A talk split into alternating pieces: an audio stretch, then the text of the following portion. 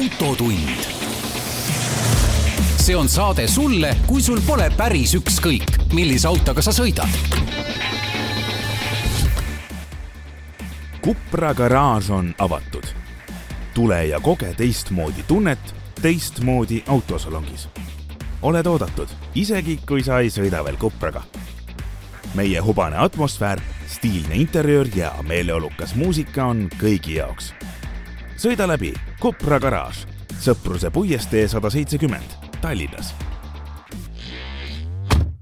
tere kuulajad, Autotund taas eetris. stuudios Tarmo Tähepõld, üle interneti Martin Mets Geenius uudisteportaalist ja täna meil sellist väga suurt ühte läbivat teemat ei ole. ütlen ette, et järgmine nädal üks on, Saksamaa ülevaatuste tabeli võtame ette nagu iga aasta. vaatame, kes on võitjad, kes kaotajad seekord aga täna on meil siin mitmeid väiksemaid uudiseid ja arutelusid. aga sa oled ja... sõitnud tegelikult kahe uue autoga vähemalt? mul on siin kirjas praegult Nissan Ariya kõige võimsam versioon ja mida sa teise all silmas pead? aa, ja, jah, seda mõtlesingi, ja üks üks just, ei äkki ma olen veel millegagi sõitnud, aga ma olen ära unustanud. ei, no vaatame, äkki tuleb saate jooksul meelde, siis saangi sellest rääkida. nii, aga minu nädala sündmus seekord ei ole alati on ju, kõigil on sihuke suur ootus, kas ma hakkan virisema või kiitma. virisema ei hakka, seekord lihtsalt tähelepanek. Äh, kui me käisime sügisel äh, Ukrainas, ostsime neid kastikaid äh, ühe seltskonnaga, annet-, meile annetatud raha eest, ausalt kõik, läbi ametlike MTÜ-de, et oleks ära öeldud, siis oli nende soetamine kuidagi nagu lihtsam, ehk et oli nagu valikut. ma nüüd ei oska öelda, et mis seis nagu turul oli, ütleme enne seda sõda aga hetkel, kuna me oleme tegemas teist raundi äh,, on, annetusi on kogunud päris tublisti ja oleme siin, noh, meil on päris palju neid plaanis osta, siis äh, seis on selline, et kui sa paned auto kahtekümne nelja, paned pickup keretüübiks ja paned hinna kuni kuus tuhat eurot, siis näiteks viimase seitsme päeva jooksul ei anna mitte ühtegi võib-olla seal on ilmselt on seal vahepeal mõni ilmunud, aga need on juba ära ostetud. lihtsalt näitab, et tühi, noh, viimase seitsme päeva jooksul lisatud autosid ei ole. et äh, ma ei tea, äh, mis see oli enne seda, et kas oligi tegelikult väga selline kitsas nišš ja neid oligi vähe, aga praegult on ikkagi täitsa. ma mõtlen, et kas ongi nüüd Eesti nii-öelda siis, need ei ole romu pick-up'id, selles mõttes me ei, noh, pole mõtet sinna viia autot, mis kas tee peal ära laguneb või kuskil esimese nädala jooksul. et nendel autodel, mida meie otsime, peab olema kogu, ühesõnaga raam ja sellele kinnituvad osad peavad muidugi olema nagu heas korras. noh, pidurid, tuled, mootor, see, et kui, ma ei tea, salong on seest räpakas või iste katki või kuskil on mingi mõlk sees või, või tiivaservad roostetavad, et see on loomulikult suva aga üldiselt äh, need, äh, meie kogemus näitab, et noh, siia niisuguse nelja ja kuue tuhande vahele jäävadki autod, mis võib-olla noh, keegi omale siin Eestis selliseks igapäevaseks tööautoks võib-olla pelgab osta, aga selleks otstarbeks, mis nad sinna lähevad, on idea-, noh, on, on heas seisus, me laseme nad alati ka üle vaadata muidugi veel tehnikul. aga ma nüüd äh, siin saime ühele jälle käpa peale, siis ma käisin seda pühapäeval Pärnust ära toomas. üks Ford Ranger jube tore oli, noh, ma ei tea, mis sellega on, aga jube tore oli sellega tagasi sõita. bussiga läksin Pärnusse, tegime diili ära. kuigi see on noh, nagu noh, ikka, ega seal ju mingit roolitunnetust ei ole ja manuaalkast ja kõik müriseb ja niisugune kahe poole liitrine, mitte väga võimek-, noh, mitte väga võimas diisel. et ega sa ikkagi mööda sõita naljalt ei tee, polegi vaja. aga, aga mingi värk on selle pika-pika sõites, tundub, et noh, jätad kõrvaltvaatajale mulje, et see on see on, see on mingi aktiivse elustiiliga inimene, kas on põllumees või jahimees või midagi sellist. aus tööinimene ikka. aus tööinimene jah, ei ole, ei edvista siin oma autoga. aga, aga huvitav oli see, et need eh, tüübid, kellelt ma ostsin, eh, ütlesid, kuna neil on, noh, neil ongi mingi autoremondi töökoda ja ostavad aeg-ajalt kokku autosid, teevad korda ja siis müüvad edasi. siis nad müüsid selle tegelikult ära praegult eh, automaksu hirmus või noh, nagu automaksu ootuses, et neil on, neil on päris palju niimoodi kogunenud neid ja nad otsustasid, nad hakkavad müüma juba nagu noh, kohe. et mitte selles mõttes, et ei vaata veel, et mis sellest eelnõust saab ja mis sinna sisse jääb, sest et noh, kuna see on Reformierakonna poolt kokku pandud, siis kui siin just ei toimu mingit valitsuse muudatust, siis noh, küllap ta sellisel kujul ka läbi läheb. ja, ja kuna nad on siin noh, ta ütles, et nad ei, ei viitsi seal hakata ka kuidagipidi, ma ei tea, skeemitama, et, et no, ma ei tea, ma ei ole selle eelnõuga veel jätkuvalt tutvunud, et kas seal on võimalik kuidagi, et kui on ettevõtte nimel ja kõik need asjad? ei, see ettevõtte nimel minu meelest läks just pigem, asi sulle kallimaks pigem jah.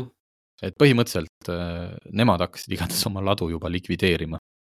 et äh, noh, kui, kui võtta nüüd see automaksu idealistlik äh, eesmärk, et Eestis oleks uuem ja vähem saastavam autopark, siis tõsi, nii ta läheb meie ostame need äh, vanad kastikad, mis noh, on küllaltki ikkagi saastavad ja viime nad Eestist minema.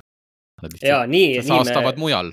planeeti nii täpselt päästamegi, see nii ongi mõeldud. aga just, aga automaks täidab eesmärki, Eesti autopark saab puhtamaks. Äh, ja. vot, et mul oli selline ja ma nüüd ei eelda, et kõik lugejad peaks hakkama või kuulajad oma, oma pikapäid pakkuma, aga kui kellelgi on selline, mis ta arvab, et võiks nagu et ta on nõus mitte sinna tohutut kasumit vahele panema ja, ja ühesõnaga kõik on, läheb ausalt sinna, kuhu on vaja. ei lähe mingiks äriks. eelmine kord me andsime üle otse ikkagi autod, nii-öelda see MTÜ andis üle seal kohalikule linnavalitsusele, mitte mingile vahendajale. Et ja pärast saime ka pildid juba, et sinna on peale ehitatud raamid kuulipildujatega ja juba on nagu töös. et selles mõttes väga tore oli näha, aus värk nii, ja sinu nädala sündmus? sarnasel teemal natukene jätkaks, tegelikult on isegi mitu asja, aga, aga lihtsalt, et mis just täna meil salvestamise päeval tuli, tuli uudis, et et ega selle rohepöördega transpordisektoris asjad on, on üsna kehvad. nii räägib intervjuus ERR-ile Euroopa Kontrollikoja liige Keit Pentus-Rosimannus.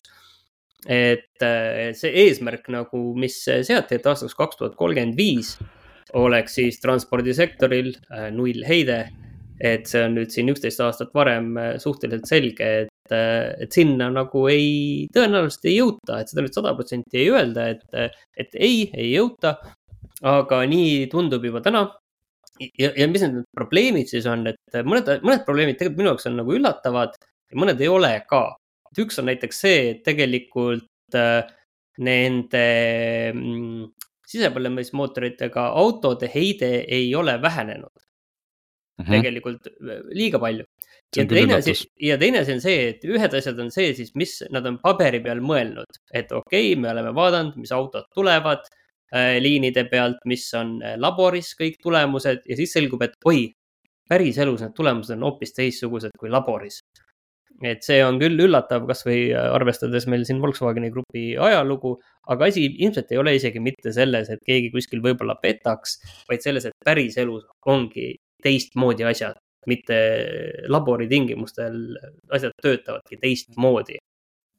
et inimesed sõidavad teistmoodi, kasutavad autot teistmoodi kui laboris ja siis tuuakse veel välja seda, et elektriautode kasutuselevõtt on tegelikult olnud äh, oodatust aeglasem Eh, et eh, kasvu on küll olnud, aga on näha, et see kasv praegu ei lähe samamoodi edasi. Eh, taristuga on paljudes riikides lood ikkagi veel siiani väga kehvad. Ja, ja siis, kui küsiti, et noh, et aga kaks tuhat kolmkümmend viis, siis pidime ju minema täielikult üle elektriautodele selles mõttes, et osta saab ainult elektriautosid. Mm et siis selle kohta ei öelda, et ei, et äh, me nüüd seda plaani hakkame muutma, aga ütleme niiviisi, et kui üksteist aastat varem hakatakse juba rääkima, et noh, vist nii ei lähe, siis tegelikult võib hakata juba sellist kergemat sorti mürke võtma, et ei, seda, et kaks tuhat kolmkümmend viis võib müüa ainult elektriautosid, et seda ei juhtu. et mina arvasin, et see, sellega läheb veel aega, enne kui me sinna diskussiooni jõuame, aga näed, üksteist aastat varem me juba oleme seal. pangu esimesena sisepõlemismootoriga autodele kaalupiirang peale või mingi selline, sealt edasi on maks, küll siis see CO2 ka kukkuma hakkab mingilgi määral. Aga ja. seda, seda ei julge keegi teha. ja, ja teine asi veel, või mis teine, nüüd siin üks asi on veel selle juures ikkagi see, et need Euro seitse, need saastenõuded, normid mm,. et eh, seal on ka nagu keeruline valik ikkagi, et need teevad, auto teevad äh, ütleme, et kümme protsenti kallimaks uue auto, sisepõlemismootoriga auto ja see sääst on seal mõned protsendid, neli protsenti. et selles mõttes, et mm, jah, et sellega on, et kas see on nagu tasakaalus, kas, kas sellel asjal on mõtet? see on ka hea küsimus, et tegelikult, kas me peaksime tegema autot kümme protsenti, noh, neli tuhat eurot äh, kallimaks iga uue auto, et lihtsalt me saaksime mõned protsendid säästa, et ilmselt oleks seal vaja ikkagi nagu mingeid teistsuguseid lahendusi.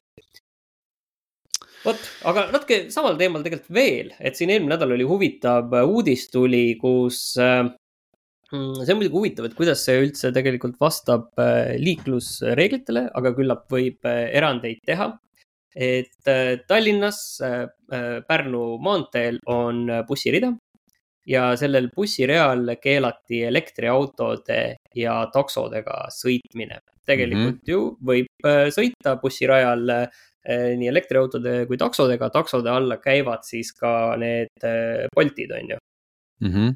et tegelikult mina olen juba tükk aega mõelnud selle peale, et arvestades seda, et elektriautosid ikkagi tuleb juurde et millal äh, see erand ära lõpetatakse, et äh, bussireal võib sõita elektriautoga. Mitte üldse nagu pahatahtlikkusest või sellest, et ma ise sõidan sisepõlemismootoriga autoga, vaid äh, sellepärast, et noh, see lihtsalt ei ole realistlik. et kui me lubame väga suurel hulgal sellel bussirajal sõita, seal võivad sõita kõik need Boltid ka ju, mida tegelikult kesklinna on täiesti täis. ja taksod ja, siis, mitte Drive'id? jah, taksod. ja Drive'id ei või?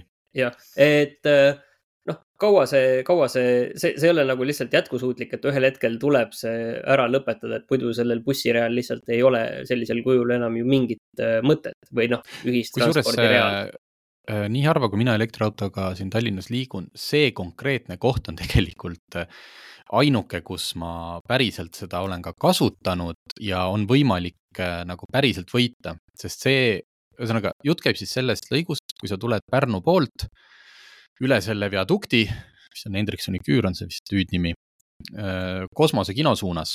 Ja siis oli võimalik pöörata nii-öelda sinna trammi, trammitee peale, mis läks kahe selle trammipeatuse vahelt. Ja sealt edasi läheb äh, tavaautodele kaks rida, läheb otse, mis siis pööravad liivalaiale ja üks rida on see, millega võid minna siis kas kosmose juurde või siis sealt edasi Tõnismäele.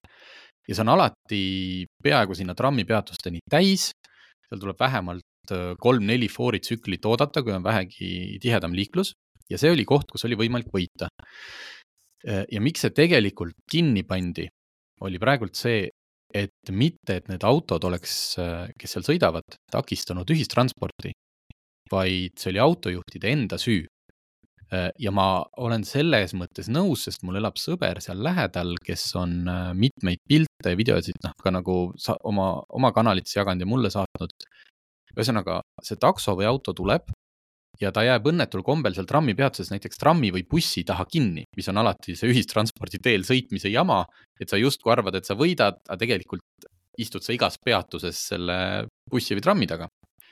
siis nad tegid sellest ühistranspordist vasakult, hakkasid mööda minema, kuigi ei või. ja tegid seda muidugi hooga, aga seal ees on ülekäigurada ja sellel hetkel võis olla ülekäigurajal roheline tuli ja seal on olnud palju, ühesõnaga ohtlikke olukordi ja see on äh, juhtide enda süü, et äh, nende siis ühtede lollide, kelle pärast siis kõik peavad nüüd kannatama.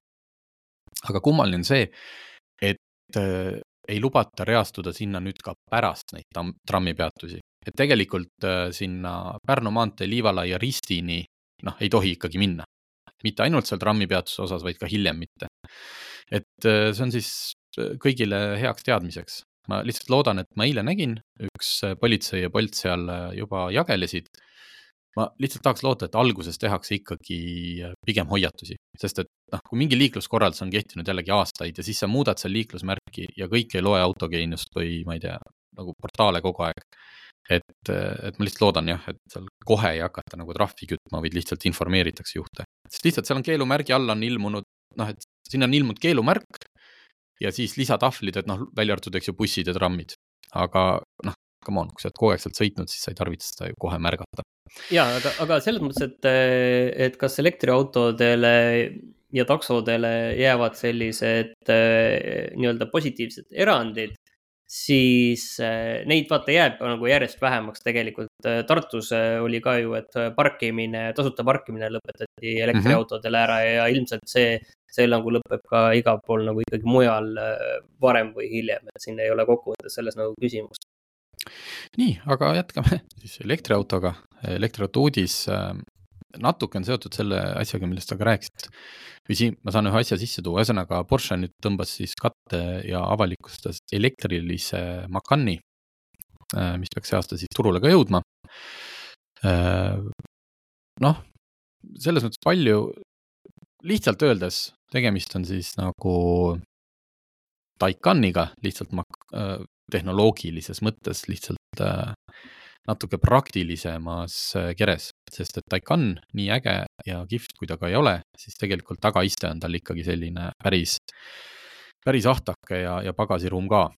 ja tegelikult seal... Taycani äh, see tagaiste on ikka, kui sa nagu vaatad seda autot, siis sa, sa arvad, et see on palju väiksem, tegelikult ja, olles ise ja. seal olnud, siis, siis tegelikult see on isegi nagu üllatavalt suur selle kohta just, aga noh, ikkagi sedaan, eks ju, siis on seal keskel on veel see suur konsool tagaistmel, põhimõtteliselt neljakohaline ja et muidugi need äh, Macani elektriautod, noh, hirmvõimsad, kolmsada kilovatti on, alguses tuleb välja Macan neli, millel on kolmsada kilovatti ja siis Macan Turbo nelisada seitsekümmend kilovatti. võimsam on pöördemoment tuhat ükssada kolmkümmend Newtonmeetrit, mis on isegi rohkem kui Taycan Turbo S-il ja läheneb sinna Tesla Blade, Blade'ini, Blade'ini jah, kiirendus sellel kiiremal kolm koma kolm, ühesõnaga, et kujuta ette, ette, et noh, Porsche ehitab elektriauto, siis ta ei tee sellest midagi tagasihoidlikku. kaheksasaja voldine eh, see kõrge pingeauku süsteem. sõiduulatus Macan nelja puhul kuussada kolmteist, Macan turbol viissada üheksakümmend üks kilomeetrit. sihuke mõistlik, kõvasti on vaeva nähtud, siin õhutakistus, ühesõnaga seda on siin vaikselt niimoodi eh, tilgutatud, seda infot aga noh, mis oluline on ilmselt see, et äh, Porschele, mulle meeldib, kellele siis Porsche ei meeldiks, aga mulle meeldib Porsche lähenemine. et kui nad auto siis ametlikult avalikustavad, siis on kohe teada ka hinnad. et, et nad ei avalikusta nagu autot ja siis ei ütle, et aga hinnakiri selgub äh, näiteks sügisel või midagi sellist. et Macan neli algab kaheksakümne viie tuhandest ja Macan Turbo sada seitseteist tuhat eurot ilma hinnalt..., ilma elektrita Macan on, on ju, ütleme, et kuskil sellise, päris sellise tühja saad vist kuuekümne viiest tuhandest hakkavad hinnad kuskil. jah, ja ma praegult ma ei viitsi Taycani hinnakirja lahti võtta, aga mäletan, mõnda aega tagasi oli veel kõige soodsam Taycan on see tagaveoline, äh, hakkas vist äkki kaheksakümne kaheksa tuhande euro juurest. nii et põhimõtteliselt, äh, põhimõtteliselt sama hinnaklass aga mis ma, kuidas ma selle seon eelmise teemaga, oli tegelikult see, et äh, sisepõlemismootoriga Macani näiteks USA-s ja mingites maailma piirkondades selle müük jätkub. et tuleb ka sisepõlemismootoriga, aga mitte Euroopas. ja ma lugesin uudist niimoodi diagonaalis, jõudsin enne saadet läbi lugeda, et seal on äh, probleem jälle mingid Euroopa nõuded, et äh, noh, sisuliselt kogu, kogu elektrisüsteem ehk siis tavaauto, seal on mingi vist oli isegi sõna küberturvalisus või ühesõnaga peaks nii palju ümber ehitama, et see vastaks Euroopa nõuetele, et Euroopas ei ole point seda teha lihtsalt. et siin müü-, müüakse ainult elektrilist, aga mujal on need nõuded teised, nii et äh, kes tahab veel nii-öelda uuemat äh, Macani, siis äh, ilmselt ma ei tea, kas seda USA-st sisse tuua lubatakse hiljem. see on juba eraldi teema. aga jah, et kallite elektrimaasturite valikus on nüüd ka Porschel auto. teine tore auto uudis, noh, see on ikka, see on ikkagi nii bensiini uudis, kui ka bensiini uudis on, mitte teragi ei ole siin elektrit. et äh, Toyota esitles sellest oma ägedast GR Yarise ähm, sportlikust luukpärast, millest nüüd tuli ka noh, uus põlv, mitte uus põlvkond, vaid mudeliuuendus, päris palju seal muudeti, aga sellest tehti kohe ka kaks äh, erimudelit. Mis tavaliselt on sellist, noh, kui äh, need kannavad nime põhimõtteliselt äh, noh, Rovanpera ja Ogier. üks on Ogier edition Äh, ja kui tavaliselt hästi tihti on need, need erimudelid on see, et noh, ma ei tea, kleebitakse mingi kiri kuskile armatuurlauale, et vot see on nüüd Ogier ja siis öeldakse, et ja siin hästi kihvt, siis siin on ikkagi natukene vaeva nähtud. ja mõlemal autol on tehtud sõidurežiime uusi. Ogier Editionil on juures kaks sõidurežiimi, üks on Morizo ja teine on Seb, noh, Seb nagu Sebastian aga Morizo on äh, ju Akio Toyota äh, hüüdnimi. ehk siis äh, Morizo režiim aitab saavutada stabiilseid tulemusi erinevates tingimustes. Et siis Morizole meeldis niimoodi, et, et kogu aeg auto sõidaks võrdselt niimoodi heade noh, et ei ole kallutatud ühelegi poole kuskile, et saaks hästi palju driftida või, või ainult hästi teravalt kurve võtta. Aga näiteks Ogier poolt välja töötatud režiim SEB võimaldab auto tagaosa paremini pöörama ja libiseda saama, et seal on muudetud ikkagi diferentsiaali jaotust ja ühesõnaga pakub suuremat kontrolli ka suurtel kiirustel. ma ei hakka kõiki ette lugema, muidugi äh, Ogier siis mingi ühesõnaga mattvärv äh,, valuvelgi ehita-, ehivad Prantsuse lipud, mingid sellised kleepsutuuningut on ka, aga põhiline need sõidu, sõiduomadused või sõidurežiimid. aga teine. see, see seletab ise kõike enda eest, mis Rompera edition. Rompera edition. Donut, donut režiim on seal. seal on donut režiim ja see auto on ka palju värvilisem, et see on, näeb välja rohkem nagu äh, ralliauto, seal on punast, musta kõike. Ogier oma on hästi siukene badass mattmust. aga jah, et donut režiim, kuna Rovanpera kipub äh, driftima kõvasti. selles mõttes on, tal on see nagu hobi, mitte, mitte et ta teeks seda kuskil avalikus liikluses, vaid ta vabadel hetkedel käib, osaleb ka driftivõistlustel. aga, aga teine on ka tore, noh, lihtsalt nagu kuidagi eestlastele mõeldes just, et seal on äh, režiim nimega Kalle. noh, nii nunnu nimi, noh, alati mingi sport ja dynamic ja öko. nüüd on sul, keerad, sul on seal nupp, paned kuule, oota, oota, oota, kuule, ma näitan sulle, ma panen nüüd Kalle režiimi sisse äh, see on rohkem selline rallisuunitlusega, et soodustab äh, kurvi sisenedes jõulist külglibisemist ja laseb esiratastel kurvist väljudes auto sõidujoonele tõmmata ning kohe kiirendada. Äh, ja mõlemad erimudelid on loomulikult väga piiratud arvuga ja nende saadavus Euroopas limiteeritud et ühesõnaga jah, et iga sellist erimudelit me kindlasti ei viitsi kunagi siin saates ette lugeda, aga siin on äh, Toyota mõnusasti mänguliselt läinud ikkagi sammu kaugemale. isegi kui, isegi kui see Rovanpera ja Ogier ei ole reaalselt selle auto juures kordagi käinudki, vaid andnud, ma ei tea, meili teel juhiseid, et mida nad tahaks oma režiimist nagu näha, siis, siis tore, et see tehtud on. nii, natuke kodumaale neile, kes tahavad rahulikumalt sõita. ja, lihtsalt infoks, et, et kui siin oli siin see suur ahelavarii, et siis seal ei olnud veel muutuvaid liiklusvärke, mida sinna paigaldatakse praegult, häälestatakse. ja siis me toona küsisime ka, et noh, et kui, noh, et kui palju nagu üldse on teeinfot kuskilt niimoodi eemalt tuleb, et saaks neid kohe muuta enne kui seal keegi on juba kokku põrganud või, või teehooldusmees avastab, et kõik on täitsa jääs noh, ilmselt mitte sellega seotud, vaid see on pikemalt töös olnud, aga nüüd ähm, need muutuva infoga liiklusmärgid on veel targemad ja ühesõnaga, kuna liik-, öeldakse, Transpordiamet ütleb, et kuna liiklusjuhtimiskeskusel on pidev ülevaade tee seisundist, kaasa arvatud, kas tee on jääs, lumine, soolaniiske, kui, kui suur on tee karedus, veekihi paksus, saju intensiivsus, ja kõik muu, et siis nüüd need märgid on äh, veel targemad ja saavad äh, paremini reageerida. noh, need, need on muidugi väljas, eks ju, teatud lõikudel ainult, aga noh, mis ongi oluline, sest seal on ka kiirused suuremal. Aga mis, mis mulle silma jäi, oli see, et noh, siin on erinevad, ma ei hakka ette lugema, tingimused, millal siis muudetakse.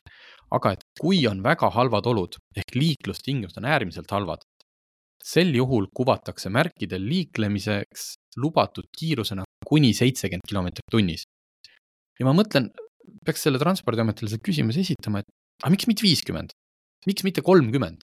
noh, kui, kui ikkagi on teada, et seal on praegu tohutu musta jää oht, siis ma ütlen, et minu mitu korda räägitud kogemus, kui ma sealt Pärnust tulin ja avastasin, et on must jää ja sõitsingi umbes seitsmekümnega ja tohutu pikivahega ja ikkagi see auto libises niimoodi, et ma jõudsin nagu mitu korda arvutada, et millise osa oma autost ma katki sõidan vastu seda ees, ees pidurdavat rekkat.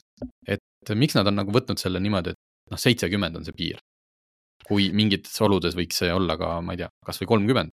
vot siin ei tea jälle, kas nad nii täpselt vaata seda kõike teavad, pluss vaata, mina sõitsin eile ka tegelikult äh, koju õhtul täpselt sel ajal, kui temperatuur hakkas langema. see lõppes kõik väga toredasti selles mõttes, et äh, puhas jää on meil siin. Äh, praegu on täiesti vahel. kohutav, täiesti kohutav on igal pool. ja, ja see lõppes väga naljakalt, sellepärast et mul hoovi on selline väike kallak ka ja siis äh, natukene tagurdasin natuke kehvasti niiviisi, et lõppes sellega, et ei saanud ei edasi, ei saanud ka tagasi, sellepärast et taga oli juba aiapost nii et äh, pidi, pidi tooma natukene liiva ja niiviisi natuke edasi, natuke tagasi, et äh, kokkuvõttes sai ikkagi aeda sisse, aga selle musta jää puhul oli ka, et tegelikult oli õhtul maanteel korralik must jää ja, ja mitmel lõigul sai ise sõidetud ka seitsmekümnega. aga tegelikult on vaata see, see jaotus on väga erinev ja eriti kui niiviisi väga palju sademeid ei ole tulnud, siis tegelikult ju see nii-öelda puhas sõidurada on puhas. seal mm, -hmm. seal saad täitsa okeilt sõita, aga mingid lõigud, mingid madalamad kohad, siis näed, et see, seal ei ole seda suudetud ära sõita, seda jääd. vot, selline info, et teate, et need liiklusmärgid muutuvad aina targemaks, mis on väga tore. Siis üks uudis, mis siin just täna tuli, oli tore, et Dacia avalikustas siis oma Dakari kõrberalli auto. pressiteade ise oli muidugi väga naljakas, ma ei tea, kas me hakkame siin selle üle ilkuma, et see on, mul on midagi, tunne, et see on. midagi võiks mainida ikka, midagi on, võiks mainida. see on, ma ei tea, kas see on chat GPT ajastu või, või, või miks seda, miks seda lennukust nii palju on.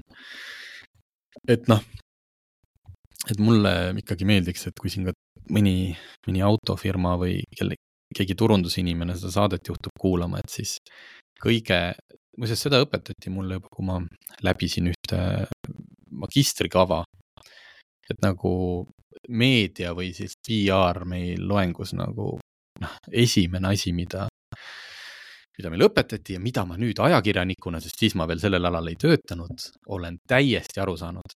kõige kindlam viis saada pressiteade ülesse äh, ilma, et sa peaksid pöörduma kuskil sisuturundusosakonda.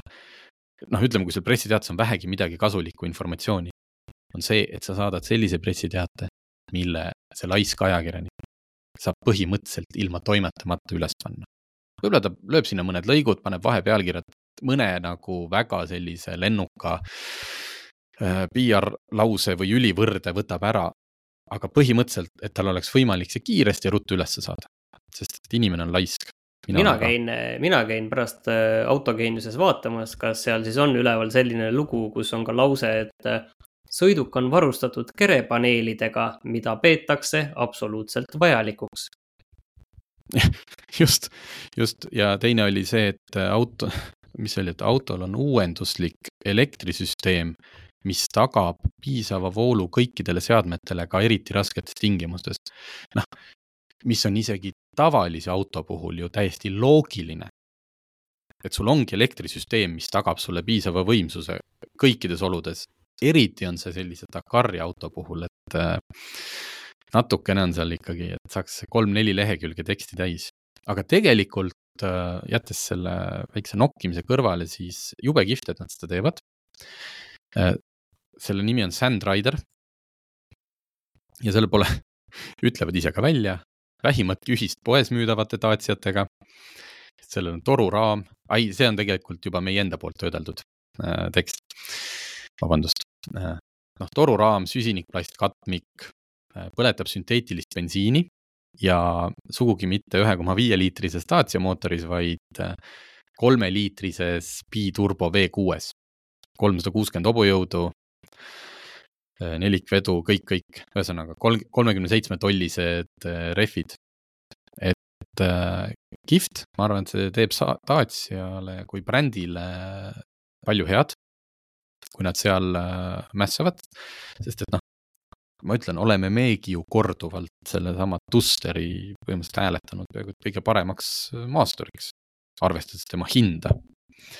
nii et äh, see on kihvt ja siis järgmine aasta äh,, stardib juba esimest korda see aasta oktoobrikuus Rally du Maroc ja siis äh, muidugi kaks tuhat kakskümmend viis Dakar. ootame huviga ja kui pilti tahate näha, siis minge vaadake autogeeniusest äh,.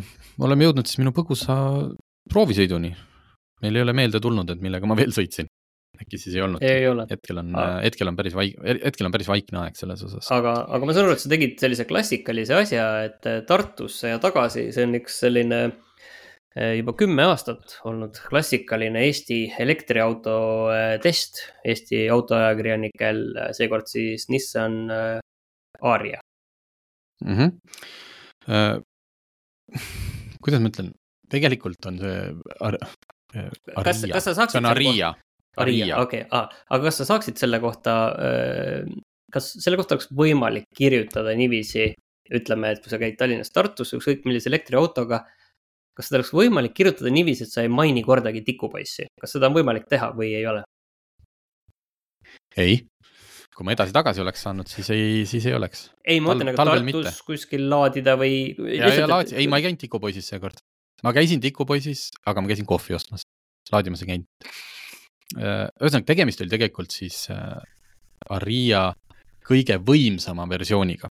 ja kui, eks ju, sulle pakutakse, et kohale jõudis kõige võimsam versioon, siis äh, iga, iga autoinimene kohe, tal läheb silm särama, muidugi, muidugi ma tahan sellega proovida sõita Äh, lähemal vaatlusel tegelikult on see, et äh, juure, juurde on lisandunud kuuskümmend viis kilovatti, mis teeb selle auto koguvõimsuseks kakssada üheksakümmend ja kes on harjunud hobujõududes rääkima, siis äh, vist oli kolmsada kaheksakümmend viis hobujõudu. ja see maksab neli pool tuhat eurot rohkem kui seni kõige kallim Aria. ja läksingi otsima põhimõtteliselt vastust küsimusele, et kas on pointi Äh, vastus küsimusele selgus. selgus selles mõttes, et äh, ainult nende hobujõudude eest kindlasti ei ole pointi. Sest et äh, kiirendus nullist sajani sellel muidu kõige kangemal nelikveolisel on viis koma seitse sekundit ja nüüd on viis koma üks. ehk et Nissan ei ole ehitanud mingit supermaasturit, et siin ju praegult sellised võimsamad elektrimaasturid kiirendavad sajani kuskil seal kolme sekundi, noh, kolm koma midagi. et õnneks, ma ütlen õnneks ei ole Nissan seda teed läinud, sellepärast et kaks koma kolm tonni kaaluv auto ei peagi seda tegema, eriti kui ta on maastur ja kõikidel reisijatel läheb süda pahaks ja juhil ka. et ma peaks päris ausalt tunnistama, et ma isegi nagu, noh, seda nagu vahet ei olnud väga tunda, ta kiirendab suhteliselt lineaarselt, tal ei ole see kuigi noh, elektrimootoril, eks ju, tuleb kogu see võimsus kohe taha, siis isegi kui ma nagu paigalt seisust kiirendan, õnneks seekord olid märjad teed, mitte libedad. Et ma sain seda ka katsetada ja, ja ei ole sellist tunnet, et see viskab su niimoodi istme sisse. et selles mõttes nagu noh, ma ei, ma ei näe sellel nagu pointi, aga mm, see neli tuhat viissada ei ole ainult kilovattide eest, et selle eest saad sa suuremad väljad, kakskümmend tolli, juhul kui sul peaks see millegipärast vajalik olema. Ka seal ma ei saa, noh, päris üheksateist on ka okei okay.. kuigi see Aria disain jah, on selline, et seal see suur, see suur ratas annab visuaalselt juurde, sest ta on jätkuvalt väga omapärase disainiga. see, kas sulle meeldib või ei meeldi, aga ta ei ole nagu, äh, seda näidati esimest korda ju aastal kaks tuhat kakskümmend sisuliselt neli aastat. Äh, see turul tulek vahepeal natuke viibis äh, tänu kiibikriisile või kiibikriisi tõttu. Et ta ei ole ikkagi moraalselt vananenud, mõni auto tuleb välja, jube kihvt disain, kõik ahetavad, ükskõik kas meeldib või mitte ja siis tegelikult vaatad neli aastat hiljem nagu, ma ei tea, et mis asja me ahetasime, suht ju imelik plastik ja et Riia on äh, väljast jätkuvalt väga silmatorkav ja seest, seest meeldib ta mulle eriti. Seal on äh, seda avarust, sest näiteks juhi ja kõrvalistuja jalgade ees ei ole vahet, see on nagu mingis ähm, bussis või kaubikus, kus sul põhimõtteliselt saad kõnd-, noh, liikuda ühelt istmelt teisele. ja siis need puidust pinnad, kuhu sisse on uputatud nii-öelda või pai-, noh, justkui nagu nuppu näha ei ole, aga tegelikult noh, ta on puutetundlik, aga natuke saab nagu vajutada ka, et sa saad, sa saad näpuga nagu tagasisidet. sisuliselt sa vajutad nagu puidu sisse. et ta näeb seest kihvt välja ja, ja selle Evolve pluss paketi sees on ka siis peenem napa nahksisu. Nii et äh, sisuliselt on tegemist kõige kõrgema varustusega autoga, millel on siis võimsust juures ja, ja see võimsuse osa siis sellest, et kui sa nüüd selle väljad ja nah-, nahksisu maha lahutad, siis on umbes, ma ei tea, mingi umbes tuhat viissada eurot. no nii, aga, aga räägi nüüd sõiduulatusest, eh, kuidas sul laadimine kulges, et kas nii palju seal siis nii suur aku ei ole, et sõidaks juba Tartust ja Tallinnasse tagasi ka, et polegi vaja on, laadida? on, aga mitte talvel. tal ametlik sõiduulatus on äh, nelisada üheksakümmend kaheksa kilomeetrit. see on umbes kakskümmend kilomeetrit vähem kui siis sellel vähem võimsal versioonil. sellega on noh, kuna mu kolleegid, alati kui ma kuskil elektriautoga olen, siis ma loomulikult meie seal vestlusaknas äh, pean sellist noh, blogi, kui midagi jälle juhtub. siis seekord, äh, kui ma selle auto võtsin täisakuga, siis ta näitas, et ma saan sõita vist oli äkki kolmsada viiskümmend kaks kilomeetrit.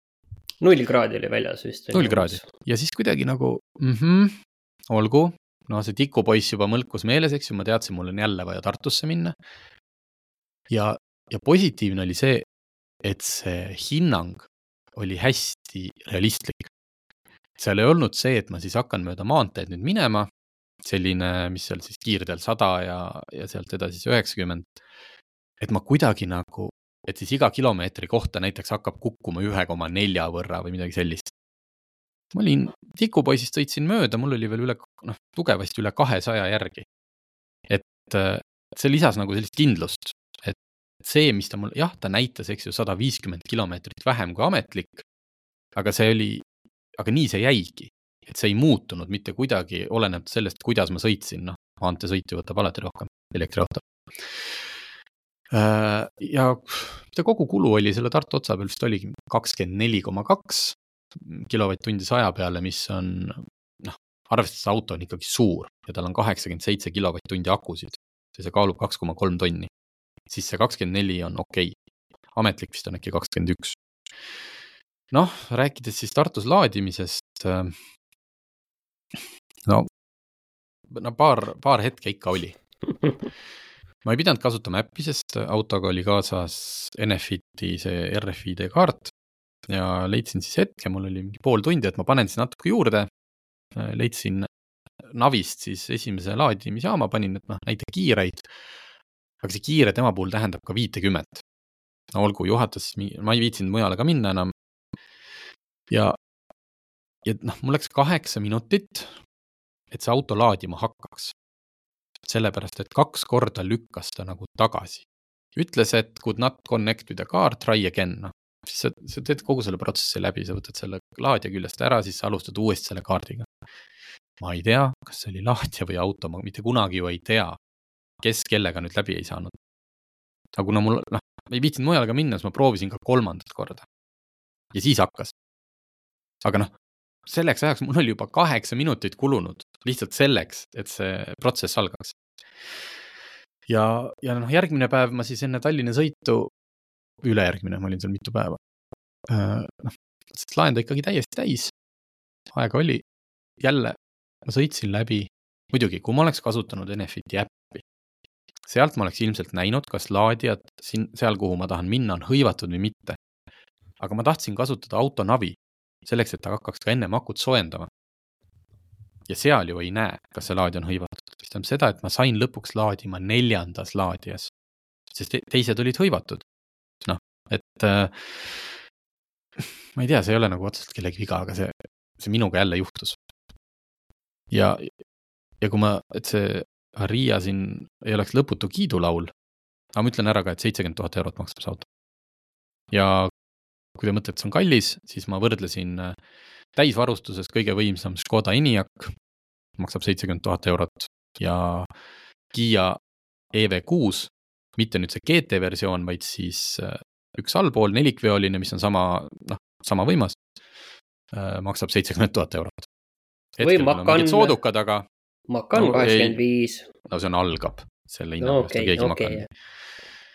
aga, et ikkagi kriitikat ka teha, siis üks asi, mille ma ei tea, kas see on mingi järjekordse tarkvara uuendusega muudetav. aga see ekraan, esiteks kasutuskogemus, räägime siis UX moodsas keeles, on ikkagi päris kesine ja keeruline. aga okei okay,, sellest saab, ütleme, auto omanik. Sul lõpuks jääb kõik äppa, sa tead täpselt, mis järjekorras mida vajutada, et saada sinna, kuhu sa tahad saada. aga see ekraan ise äh, reageerib aeglaselt, kuidagi hüplikult, kui sa seal üritad erinevate lehekülgede vahel äh, liigelda. aga kõige, kõige hullem on see navi ise ma ei kasutaks seda eales, seda navi loomulikult, et kuskile sõita päriselt, sest et noh. aga, aga kui sa tahad laadijat leida, siis, siis sa pead seda kasutama. Ja noh, ilma naljata, see näeb välja nagu mingi TomTomi navigatsiooniseade aastast kaks tuhat viis. selle värvid, selle nagu ülesehitus ja ma isegi ei suutnud leida seda, et ta ei, ta ei pööranud seda kaarti selliseks, et vaata, et noh, justkui nool näitab, kuhu suunas ma sõidan. vaid see kaart oli paigal. ja ma pidin ise nägema nagu, okei okay,, nüüd tuleb vasakpööre ja hästi-hästi kehv kaart. et ma ei tea, kuidas nii moodsal autol, nii ulmelisel, noh, seest kõik, kõik on tehtud nagu väga kaks tuhat kakskümmend neli. ja siis sa teed selle navigatsiooni lahti ja saad aru, et mis siin juhtus või kes, miks. ja ma loodan, et äkki see on võimalik äh, nagu mingi tarkvara uuendusega, et nad progevad sinna normaalse kaardi ma ei, ma ei tea, see, mul võiks saada siis isegi deal breaker'iks. Äh, ehk siis ma võib-olla jätaks selle pärast ostmata või ostaks mõne teise see ongi see teema, et vaata elektriautol see navi on äh, muutunud jälle kuidagi oluliseks, et vahepeal okei okay,, äh, mingi aeg, ütleme, et kaks tuhat kümme need navid olid ka teema. aga noh, arvestades seda, et kui sul on kogu aeg telefon on seal kuskil äh, seal ees, ja siis vaatad telefonist, paned ja kõik töötab niikuinii paremini, lihtsamini ja sul on see käe sees. ja, ja see autonavi ei, ei olnudki nagu kuidagi nagu oluline. Siis nüüd tänu sellele, et, et sealt navist sisuliselt, kui sa määrad selle koha, kuhu sa tahad minna. ja, ja kui see juhtub olema siis laadija, siis see paneb sul selle akut hakkab ette valmistama, siis see navi on jälle muutunud naljakal kombel nagu oluliseks autos. kusjuures täiesti sür-, praegult mõtlesin sellele, et miks ei ole lihtsalt elektriautodel, võib-olla mõnel on, äh, parandage mind, kui ma eksin, roolil või armatuurlaual põhinupp see, et hakka nüüd akut soojendama. ma ei peaks, ma ju tean, kus laadijad on, ma ju tean, kui kaua mul sinna sõitmine võtab. ma kuskil näiteks tahan, ma ei tea, tikupoisis laadida, et ma kosel vajutan seda nuppu ja ta ilusti siin talvel, noh, umbes pool tundi saab veel äh, ette valmistada. ja on laadijasse jõudes soe see aku ette äh, valmistatud. miks ma pean seda tegema läbi mingi kuradi äpi, läbi seal menüüdes surfama, sisestama. paljudel autodel, noh näiteks Teslal ei olnud üldse seda ju noh, Eesti laadijaid seeski. et lihtsalt andke mulle üks nupp, ma vajutan, hakka, hakka akut ette valmistama. ma, ma võin natuke vist ise nagu sellele sulle pakkuda, et miks see nii on. see ongi sellepärast, et kui sa vajutad seda nuppu, siis autol puutub igasugune teadmine, kas sa tahad laadima hakata kolme minuti pärast või kolmekümne viie minuti pärast. et siit tulebki see vahemaa, mis autol on vaja veel sõita, palju aega kulub, et ta vastavalt sellele hakkab ka soojendama. ja no see võib seal et olla arvan, ka et, et lisaks ka, nagu aga et nagu nendel hetkedel, kui mul on vaja, noh, et ma ei tea, kasvõi ma teangi, et ma lähen sõbra juurde, kellel on kodus näiteks see mingi seinalaadija kakskümmend kaks kilovatti, et saaks ennem seda nagu noh, ma ei tea, tundub tobe. aga kokkuvõttes just kolleeg Margus Vipraga arutasime, äh, mingil moel on see Aria meile mõlemale sümpaatne, ma ei teagi, miks. ilmselt sellepärast, et ta näeb nii eriline välja. sama asi on noh, näiteks Kiia EV6 või mingid täitsa või, või Hyundai Ioniq viiega. et, et ei ole tehtud igavat autot. ja, ja arvestades seda nüüd võimsat versiooni, on ka väga sümpaatne, et noh, et ei tehtud mingit sportmaasturit. tõesti, ei ole vaja, kellelgi ei ole vaja. vot nii, aga ma arvan, et äh, see saade sai nüüd valmis ja siis äh, nagu saate alguses diiserina sai öeldud, loodame, et me selle ära ka jõuame teha. järgmine nädal siis keskendume, millised autod tänapäeval väga hästi ja väga halvasti sakslaste arust vastu peavad. Kupra garaaž on avatud. tule ja koge teistmoodi tunnet teistmoodi autosalongis. Oled oodatud, isegi kui sa ei sõida veel Kupraga. meie hubane atmosfäär, stiilne interjöör ja meeleolukas muusika on kõigi jaoks. sõida läbi Kupra garaaž, Sõpruse puiestee sada seitsekümmend, Tallinnas